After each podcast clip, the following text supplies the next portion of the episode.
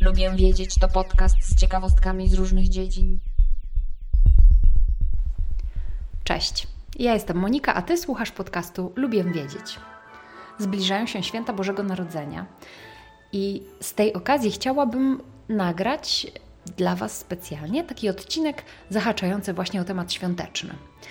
Dzisiaj będę opowiadać o bombkach. Ciekawa jestem, czy wiecie skąd wzięły się bombki, jak oraz kiedy zyskały na popularności.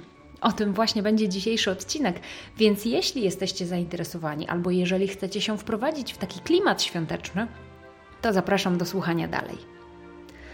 Dawno temu drzewka choinkowe ozdabiano jabłkami, orzechami i ciasteczkami zawieszanymi na gałązkach za pomocą wstążek, różnych sznurków. A tak naprawdę bombki wynaleziono w Niemczech, w niewielkiej miejscowości Lausza. A dokładnie wynalazł je jeszcze w XVI wieku Hans Greiner. Mniej więcej w okolicach 1570-1580 roku. On na początku swojej kariery zawodowej, nazwijmy to tak, produkował girlandy ze szklanych paciorków oraz takie cynowe figurki do zawieszania na choinkach.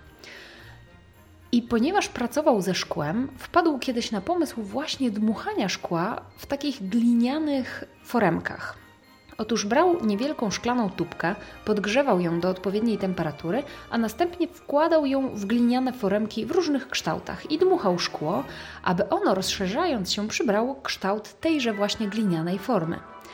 I na początku formy, w których dmuchano to szkło, miały kształty właściwie takie same jak te ozdoby, które do tej pory zawieszano na choinkach, czyli kształty owoców oraz orzechów, więc one z reguły były okrągłe. Kiedy formy wystygły, wpuszczano do nich azotan srebra. W ten sposób ładnie je posrebrzano od środka jakby, a następnie ręcznie malowano z zewnątrz różne ornamenty. W XVII wieku inni szklarze zauważyli rosnącą popularność tych ozdób i trochę pozazdrościli oraz także zaczęli produkować te bombki. I wtedy zaczęto już eksperymentować z różnymi innymi kształtami, nie tylko okrągłymi. I niedługo już właściwie większość gospodarstw niemieckich przed świętami Bożego Narodzenia kupowała bombki właśnie od producentów z tego niewielkiego miasteczka Lausza. W 1840 roku w jednej z londyńskich gazet opublikowano rysunek choinki należącej do królowej Wiktorii. Choinki udekorowanej bogato bombkami, otrzymanymi w prezencie od męża. A mąż Wiktorii, książę Albert, był pochodzenia niemieckiego. I właśnie stamtąd poznał bombki i postanowił obdarować swoją żonę właśnie takim nietypowym prezentem. Pod wpływem tego obrazka, tej, tej ryciny w gazecie londyńskiej, zaczął się szał na takie ozdoby choinkowe. Lausza zaczęła eksportować swoje bombki do wielu krajów Europy a w 1880 roku Amerykanin Frank Winfield Woolworth podczas podróży do Niemiec odkrył właśnie te piękne bombki, zachwycił się nimi i zaczął je eksportować do Stanów Zjednoczonych. Na tym eksporcie zbił ogromną fortunę. Tak naprawdę nie tylko na bombkach zbił tę fortunę, miał w ogóle zmysł przedsiębiorcy.